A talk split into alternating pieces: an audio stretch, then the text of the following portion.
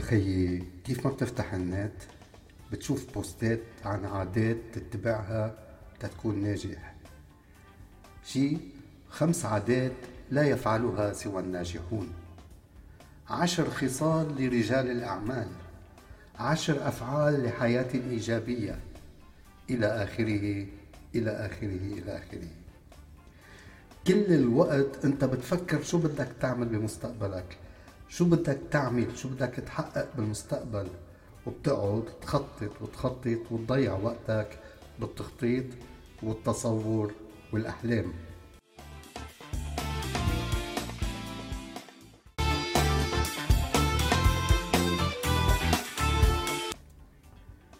المستقبل هو هول اللحظات اللي انت هلأ عم بتعيشهم.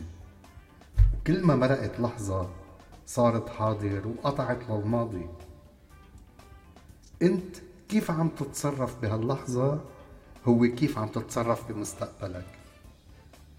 الحياة والسنوب والنجاح هن أشياء أو إنك عم تعملها هلأ أو ما فكرت فيها أصلا. ما تتعب حالك بالتفكير بمستقبلك فكر بهاللحظة. فكر بهاللحظة اللي انت عايشها لأنه هيدي هي المستقبل. ومثل ما أنت عايشها رح تعيش اللي بعدها واللي بعدها واللي بعدها. اسمع مني.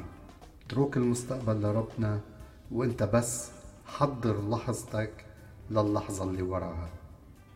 بتمنى تكون فهمتني.